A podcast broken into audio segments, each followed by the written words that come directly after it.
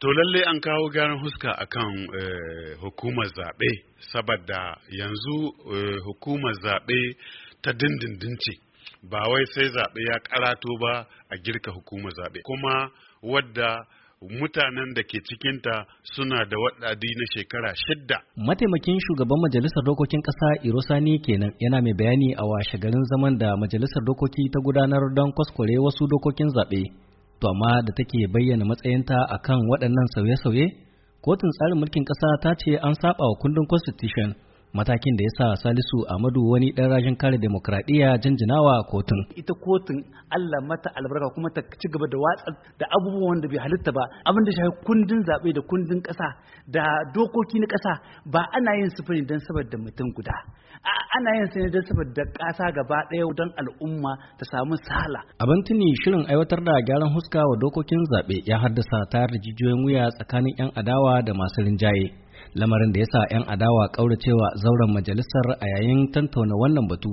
Saboda haka masanin doka metar larwana abdurrahman ke ganin wannan takaddama a matsayin ɗaya daga cikin manyan dalilan da suka jefa masu linjaye cikin halin tafka kurakurai. Zancen zaɓe na ƙasa ba 'yan siyasa kawai ya shaha ba tun 'yan ƙasa su ne suke zaɓe. Ya shahe su musamman ya kamata a saurari kowa a saurari tsokanin shi a ga irin abun da yake iya kawowa musamman ma 'yan siyasa 'yan ɓangaren adawa da 'yan ɓangaren ba ruwanmu. Matsayin na kotun tsarin mulki dangane da wannan yunkuri na gwamnati da haɗin kan 'yan majalisar dokoki wani abu ne da ke ƙara wa jami'an fafutuka ƙwarin gwiwa a faɗi tashin da suka sa gaba don tabbatar da demokradiyya a Nijar. In shi Abdu Idi. Iko shi yake tsaye da iko, ai tsarin kenan na demokarasiya.